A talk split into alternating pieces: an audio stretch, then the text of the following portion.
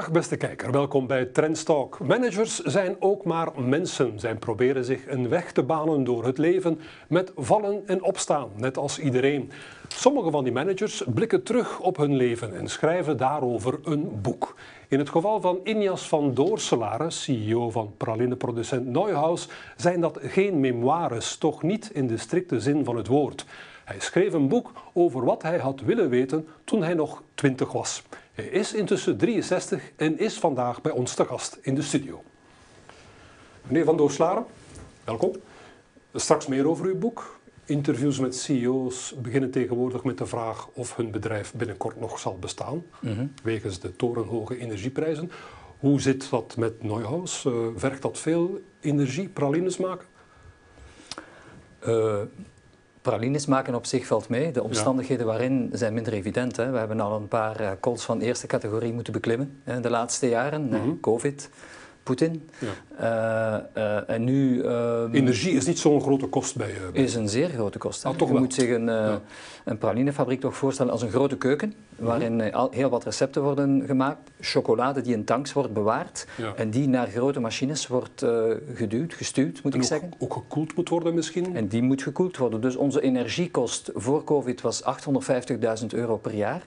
Mhm. Wij schatten in, op basis van wat we vandaag weten, dat het volgend jaar 4,4 miljoen is. Mm. Dus dat is toch een, een, een, stevige hap die erbij komt. Ja, een stevige hap die, nu, die, u, die u nog altijd kan behappen of wordt het te veel? Het wordt niet te veel, we gaan er doorheen. Ja. Uh, bij elk probleem moet je de dag nadien denken. Ja. Uh, je moet denken, we gaan er wel door, uh, we mogen onderweg geen fouten maken. En uh, wij noemen dat de weg naar oneindig. Hè. Welk bedrijf zijn wij aan het bouwen? Wat is onze, onze, onze blueprint ja. op lange termijn? En dat, die kompasnaald moeten we handhaven, maar we moeten natuurlijk wel over die berg geraken. En dat ja. is een cashflow probleem. Uh, je moet je telkens de vraag stellen, hebben we voldoende cash om uh, het zij over die berg of door die vallei te gaan? En dat zal lukken? Dat zal lukken, ja. Even naar de business van Neuhaus zelf. In hoeveel landen verkoopt u intussen al? Goh, we zijn in 33 landen. Over maar... heel de wereld? Over heel de wereld, maar er zijn er maar zeven die echt belangrijk zijn. Dus ik moet eigenlijk zeggen 7 plus 26. Er zijn er maar zeven waarin we diep gaan en waarin we echt keuzes maken. De andere zijn we gewoon aanwezig. U hebt er al even naar verwezen, corona is lastig geweest voor mm. Neuhaus. Is de pandemie intussen verteerd? Zo goed als. Hè. Wij, wij waren in april 2020... Uh, 35% van onze omzet kwijt. Ja. En we hebben toen ingeschat hoe lang het zou duren en we hebben die volledig terug op 18 maand hm. via andere wegen. Dus we hebben andere manieren, andere, omzet, andere types omzet gezocht in de hoop dat uh, als we nieuwe omzet aanboren en de oude komt terug, vooral het toerisme, hè, die 35% hebben bijna uitsluitend te maken met luchthavens en toeristen die niet naar België kwamen. Zo, ja. Als die twee rivieren samenkomen vanaf 22 kunnen we alleen maar groeien en kunnen we alleen maar sterker worden. Uh, dat is redelijk gelukt. Wij zijn groter dan in 2019 vandaag. Het toerisme is nog niet helemaal terug. Uh, we schatten dat de luchthavens richting 90% gaan van hun debiet uh, dat ze hadden in 2019. Die, ja. En dat zal voor het einde van het jaar, begin volgend jaar zijn. Maar we zijn er vrij goed doorgekomen, ja. We hebben de coronacrisis gehad. Laat ons hopen dat we die coronacrisis gehad hebben. We hebben nu de energiecrisis, maar wat misschien op langere termijn nog veel grotere effecten zal hebben, is de klimaatopwarming met de periodes van droogte, zoals wij die nu gekend hebben. Pralines die maak je met chocolade. Chocolade op zijn beurt wordt gemaakt uh, van cacaobonen. Die komen van de cacaoboom. En zo'n boom, veronderstel ik, heeft water nodig. Is dat iets waar jullie nu al over nadenken? Uh, zich verzekeren van de aanvoer van die cacaobonen?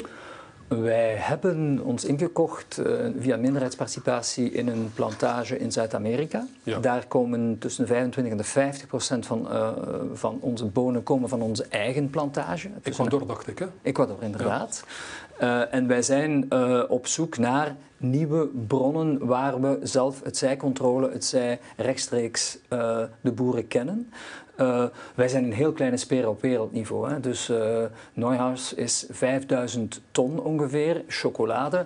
Uh, de Belgische industrie alleen al is 770.000 ton. En België is niet eens de grootste producent ter wereld. Maar bent u daarom niet extra kwetsbaar als die aanvoer zal stokken door bijvoorbeeld ja, droogte? Het is niet zeker dat die stokt. Ja. als die stokt, dan zullen wij... Wij maken ons daar vandaag geen zorgen over, omdat wij zeer proactief bezig zijn met het zoeken naar nieuwe plantages waar we, waar we zaken willen mee doen.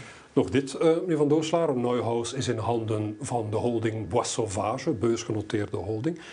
Bois Sauvage heeft vorig jaar haar controlebelang in Ricticel verkocht, zonder daarover eerst te spreken met het management. Bent u bang dat op een mooie dag uh, Bois Sauvage ook Neuhaus zal uh, verkopen zonder u daarin te kennen? Ik ben ervan overtuigd, zeker ben ik nooit, ik ben ervan overtuigd dat dat niet zal gebeuren. Uh, de verkoop van Recticel uh, is een kwestie van de holding. Het goede nieuws daarvan is dat ze een keuze hebben gemaakt. Ze hebben Recticel verkocht.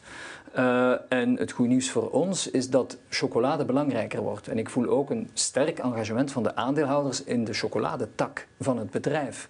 Ja. Uh, dat, dat voel je in gesprekken, dat voel je in een raad van bestuur ja. en dat voel je ook naar concrete engagementen. Ja, maar Sauvage was, dacht ik, 30 jaar lang referentieaandeelhouder in Rixicel. Bent u toch niet een beetje geschrokken van dat verhaal? Ik was niet betrokken bij dat verhaal. Uh, ja. Nogmaals, ik ken de mensen van Bois Sauvage als mensen die van hun woord zijn. Ik heb tot vandaag geen enkele indicatie ja, dat er in kleine zaken of van ja. grote zaken dat er iets zou gebeuren. Maak me geen zorgen.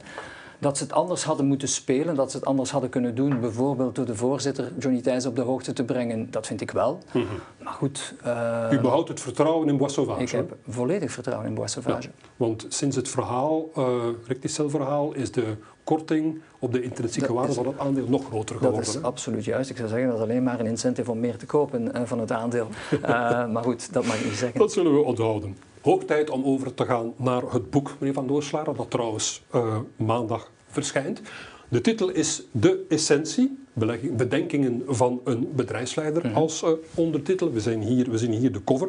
Het boek gaat dus over wat u had willen weten toen u twintig was. En een titel zoals De Essentie leidt automatisch aan de vraag natuurlijk, meneer Van Doorslaren. Ja, wat zou u zelf, wat is de essentie? Wat zou u zelf als, als voornaamste bedenking uitkiezen voor uw twintigjarige zelf?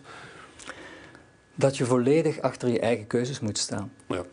Um, en dat je je zo weinig moet laten beïnvloeden door derden die zeggen wat je moet doen. Hè. Goede raad is welkom, maar wat je diep in het diepste van je buik voelt, is meestal waar voor jezelf. Hè. Misschien ja. niet voor jou, maar wel voor mij en omgekeerd. En te weinig mensen volgen hun buik misschien. Uh, dat is wat ik leer uit het boek The Regrets of the Dying, hè, van iemand die in palliatieve zorg uh, werkte en vroeg uh, waar heb je spijt van aan mensen die aan het einde van hun leven waren. En, en de nummer één, nummer één aspect was, ik heb mijn eigen keuzes niet altijd gevolgd. Ik heb gedaan wat men achtte ik te moeten doen. U hebt vele andere bezigheden in het leven. Waarom hebt u dit boek geschreven? Ah, het helpt mij altijd als ik schrijf, of ik nu een presentatie schrijf of, of een boek of een artikel, het, dat helpt mij om duidelijk te zijn in mijn eigen hoofd. Ah. En wat wil ik juist zeggen? En, en, en dat op zich is een stuk therapie, zelftherapie zou ik zeggen. En dan hoop je dat iemand anders er iets aan heeft omdat je ook schrijft over zaken die niet zo helder waren in je hoofd als je twintig was. Mm. Zaken die zijn verkeerd gelopen in het leven. Uh, u hebt het gedaan om eens alles te ordenen in uw hoofd. Dat helpt, ja. U bent altijd al outspoken geweest, wellicht hebt u daarom ook al een beetje het boek geschreven. U schrijft in het boek um, dat u vaak geel kreeg als jeugdvoetballer wegens protesten tegen de scheidsrechter. Het mij de vraag stellen, wie krijgt het meest gedaan in het leven, meneer Van Doorslaren? De diplomaat achter de schermen of degene die uh, rechtuit zijn of haar uh, gedacht zegt en zo tegen de schenen schopt? Het is een combinatie van beide. En ik denk dat in het leven de kortste afstand tussen twee punten nooit de rechte lijn is. Ja. Maar je moet wel naar dat tweede punt gaan. Je moet er omheen gaan als, als je een blokkade hebt. Dus ik denk dat het feit dat je authentiek bent, authentiek zijn betekent dat wat je denkt, wat je zegt en wat je doet op één lijn ligt, dat dat helpt, dat dat altijd helpt in omstandigheden, maar dat je dat met respect moet doen en niet altijd alles gewoon bluntly op tafel moet gooien. Ja. Dat is me redelijk gelukt. Uh, uh, ik wil zeggen, ik heb 12 jaar AB InBev gedaan. Ik ben al 9 jaar betrokken bij de holding, dus ik heb 21 jaar daar een relatie. Maar is het ook omwille van uw outspoken karakter dat u vertrokken bent destijds in 2016 bij lingerieproducent uh, Van de Velde? Dat had meerdere redenen. Ja? Ja, de groei. Ik, ik denk dat Van der Velde nog ongelooflijk veel groei heeft. Ja. en bij Van der Velde was het zo dat er een een aantal leden van de familie die in het bedrijf werkten, uh, goed werk deden, maar zich niet altijd hielden of, of uh, het niet eens waren met een aantal beslissingen van het bedrijf. Mm -hmm. En als je in een bedrijf werkt, dan moet de focus zijn het belang van het bedrijf. Ja, wat is dat, goed voor dat het schrijft bedrijf? u ook. Hè? Wat goed is voor sommige aandeelhouders, is niet altijd goed voor het bedrijf, schrijft u in het boek. Hè? Dat klopt. Ja. En dat is het geval voor Van de Velde.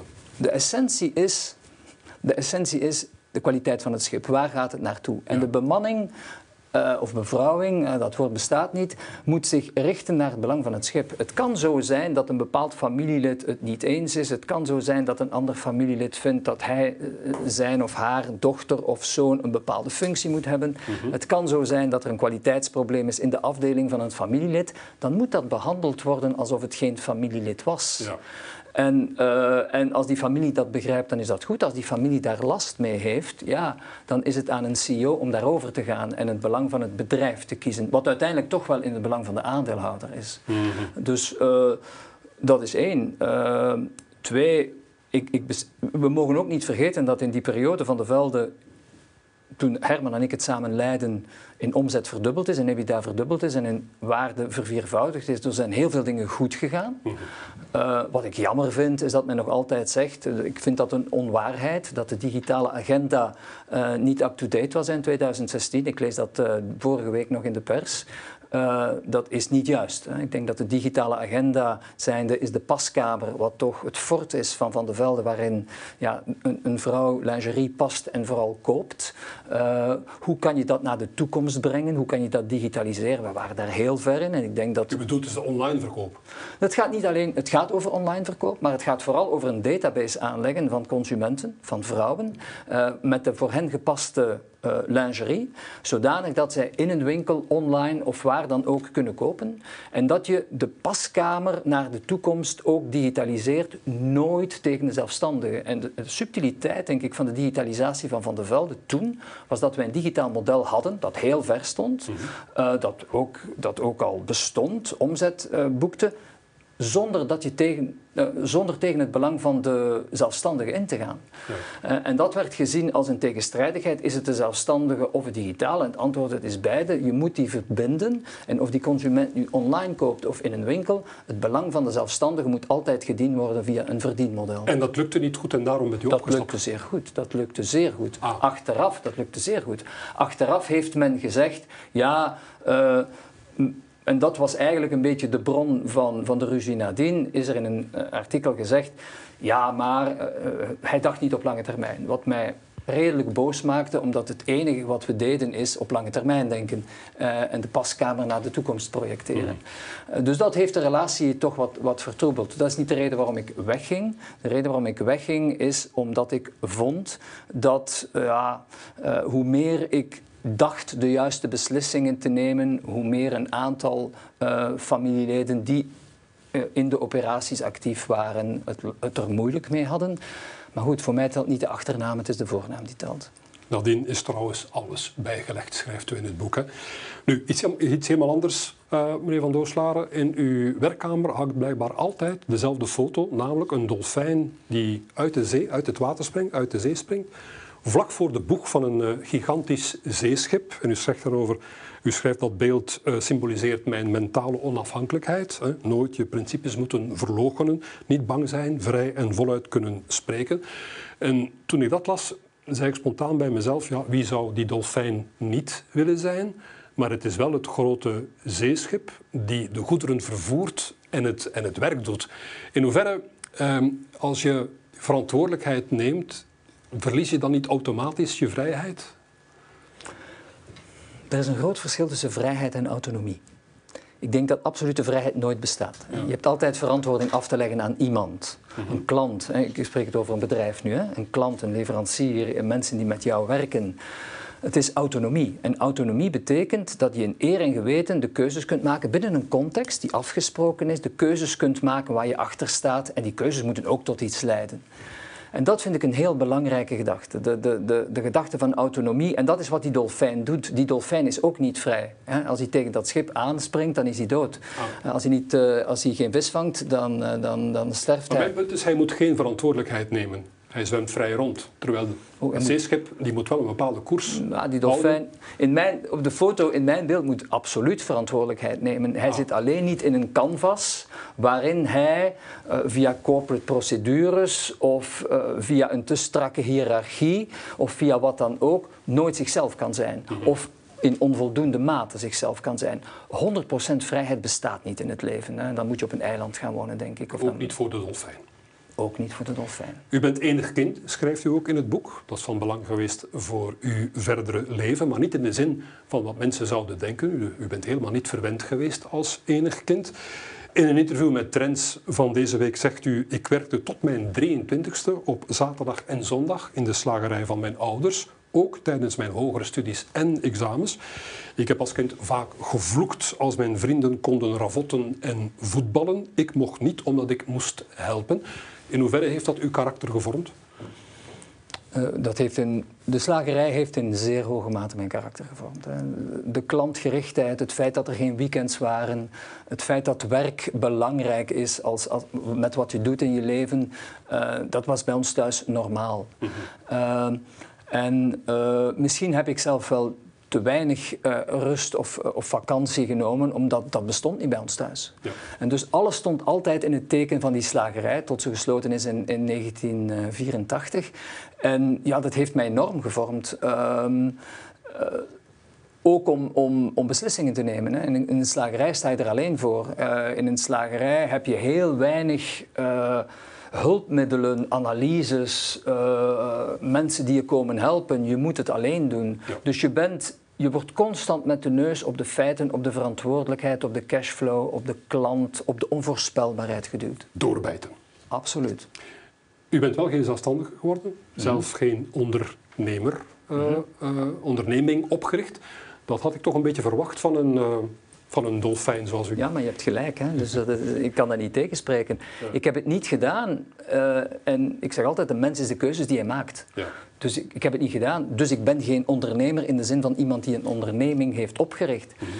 Een belangrijke factor is dat ik mij altijd zeer goed heb geamuseerd, door hard te werken weliswaar, in de bedrijven waar ik was. Ik heb het geluk gehad, want dat is geluk, uh, om uh, zowel bij AB InBev, maar ook bij Van der Velde en nu bij Neuhaus een redelijk hoge e e uh, autonomie te krijgen. Mm -hmm. En voor, ja, die doet nooit 100% je zin, maar toch redelijk mezelf te kunnen zijn in de keuzes die gemaakt zijn en in de cultuur die we daar neergezet hebben. In het boek hebt u nogal wat kritiek op de politiek.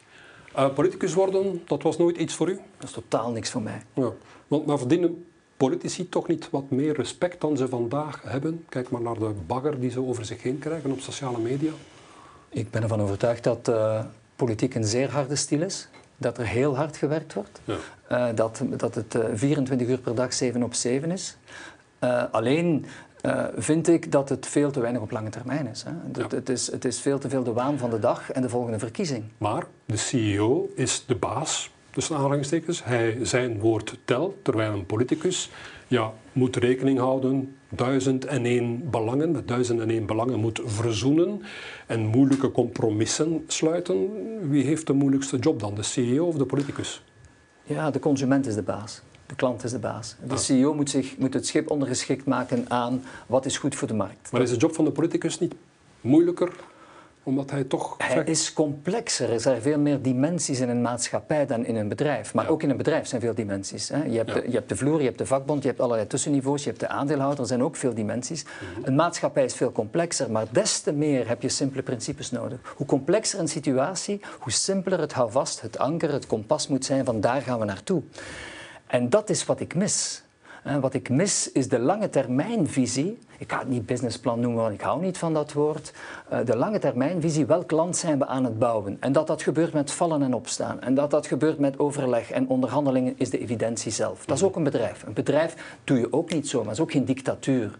Het is een, een gemeenschap met een pijl. Een gemeenschap van mensen die een doel hebben en dat is naar daar gaan. En dat missen we een beetje in dit land. Dat missen we totaal in dit land.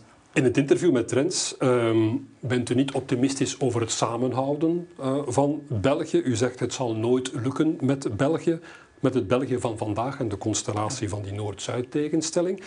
U pleit onder meer voor fiscale autonomie voor de gewesten die dan moeten betalen voor hun eigen keuzes. Maar hebt u als ondernemer wel belang bij een verdere opdeling van het land en een nog grotere regelgevende romslomp voor bedrijven die dan ja, in heel het land actief zijn? Um, ik wil, laat ik duidelijk zijn, ik wil absoluut dat België samen blijft. Ik ben geen separatist. Ja. Maar op dat een land dat moet samen blijven, moet het sterk zijn. Mm -hmm. En moet het efficiënt gerund worden. En dat zie ik vandaag totaal niet. Ik vind het land in zijn besluitvorming, ik ben daar niet de enige in, veel te complex. Uh, het is een beetje van alles. En wat het land mist en wat de, de regio wellicht minder missen, is het woord focus. Hm. Focus is een heel sterk woord. Focus betekent, we gaan met 6 miljoen deze keuzes betalen en dat is onze lange termijnvisie. Mm En in Wallonië gaat men met 3 of 4 miljoen mensen misschien andere keuzes betalen en dat is een andere termijnvisie. In de mate dat die lange termijnvisies van die twee regio's dezelfde zijn, dan mag je daar best, dan mag je die samenbrengen. Maar als die verschillend zijn, moet je die zoals in een holding, een bedrijf, twee divisies van maken, mhm. die samen blijven in één geheel, maar die hun keuzes maken en ook hun keuzes betalen. Uh, dat de ene af en toe een lening geeft aan de andere, tot daar, maar hij moet, er moet geen constante overdracht zijn. En dat vind ik de logica zelf. En het woord focus is daarin belangrijk. Waar wil Wallonië op lange termijn naartoe? Waar wil België op lange termijn naartoe? Weet u, dat we dan andere regels krijgen tussen, tussen Vlaanderen en Wallonië, weet u, als we naar Nederland gaan, als we naar Frankrijk gaan, naar Engeland of naar Duitsland, dan, dan heb je dat ook. Ik zou zeggen, het is één exportmarkt meer. Maar de focus, de duidelijkheid, uh, is me dat waard. Ja, zal winnen. Het bedrijfsleven, ook daarover nog een woordje. Persoonlijk vind ik het een erg interessant stukje in het boek, dat gaat, uh, in het eh, passage van het boek, dat gaat over het omdraaien van een vastgeroeste bedrijfscultuur.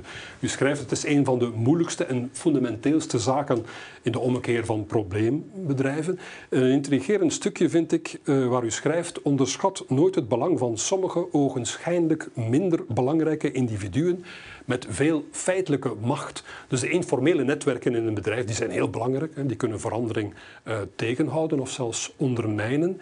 En toen bij mij de vraag reizen in hoeverre heeft, in, in, hoe groot is de macht van een CEO in werkelijkheid en waarvan hangt dat af?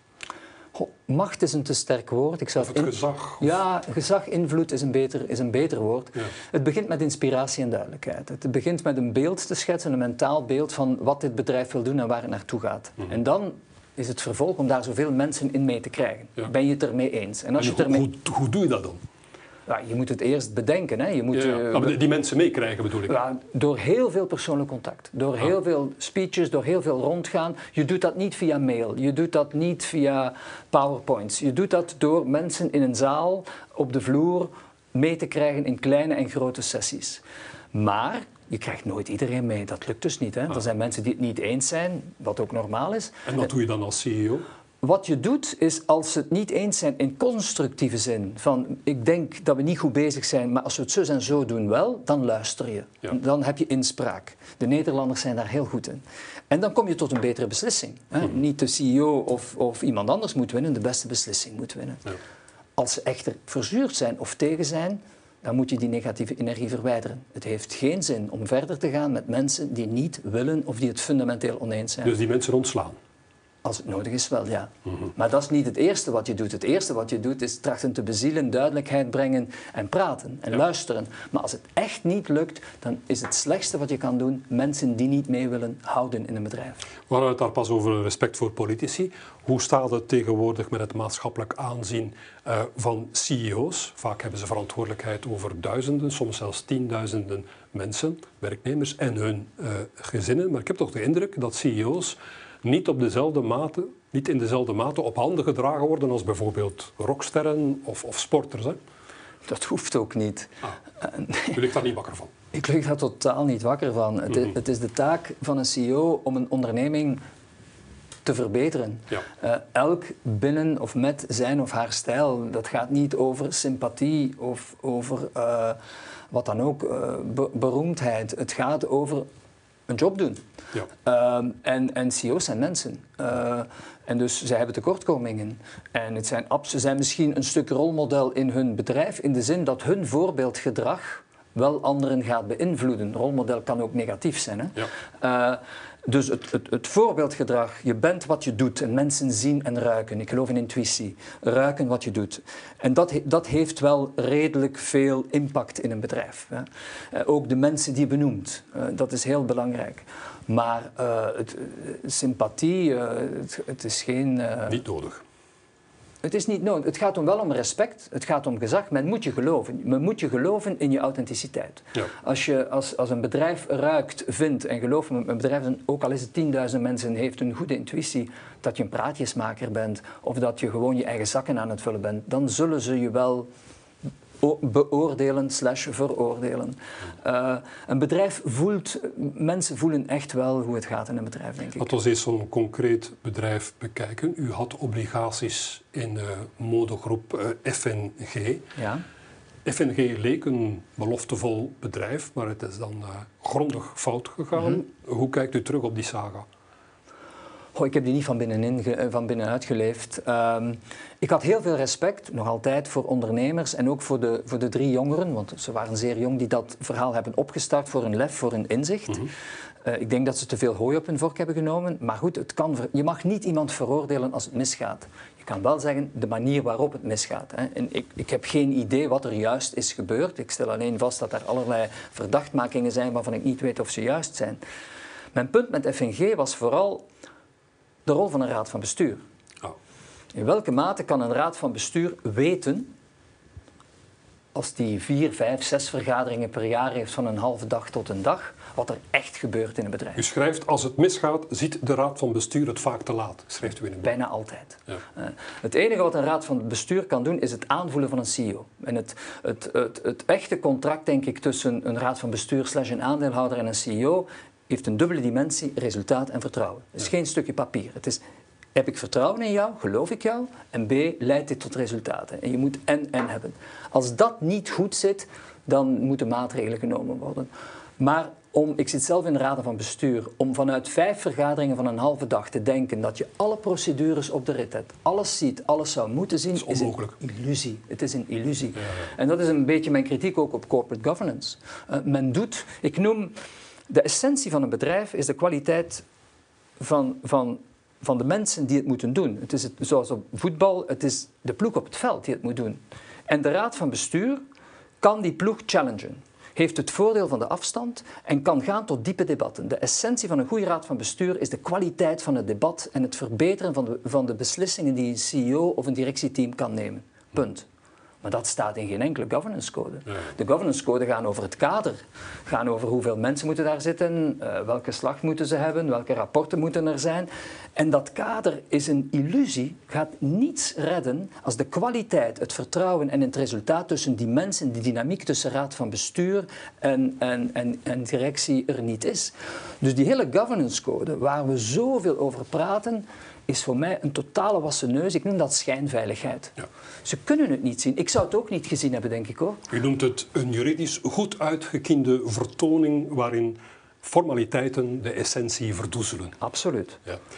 Bon, van, van Doorslaren, um, uw, uw boek, de essentie gaat eigenlijk over ja, levenswijsheid. Maar ik vraag me af, um, in hoeverre kun je leren leven door een boek te lezen over het leven. Um, leert het echte leven niet meer dan een boek over het leven. Altijd. De enige manier om, om te leven, om te weten wat het leven is, is het leven te beleven. Voluit. Dat is de enige manier. Te vallen, littekens te hebben, het laten misgaan en daarover te praten. Dat, volledig eens. Is goed op je bek gaan. Absoluut. Dat is mij ook gebeurd. Maar af en toe doet het deugd om eens stil te staan. Eén gedachte, als iemand, als een lezer een paar gedachten uit dat boek kan meenemen en zeggen, daar heb ik iets aan gehad, al staat het op één pagina, dan ben ik tevreden. Dan heb ik iets toegevoegd aan, aan die persoon. Maar hij of zij moet leven. Nog dit, uh, meneer Van Dooslaar. U bent uh, 63. Dat is niet meer zo piepjong. Houdt u dat bezig? Nee, elke fase, elke fase heeft, in, het leven heeft zijn, heeft zijn voor- en nadelen. Ja. Uh, ik weiger dat te geloven dat ik 63 ben, maar ik ben het wel.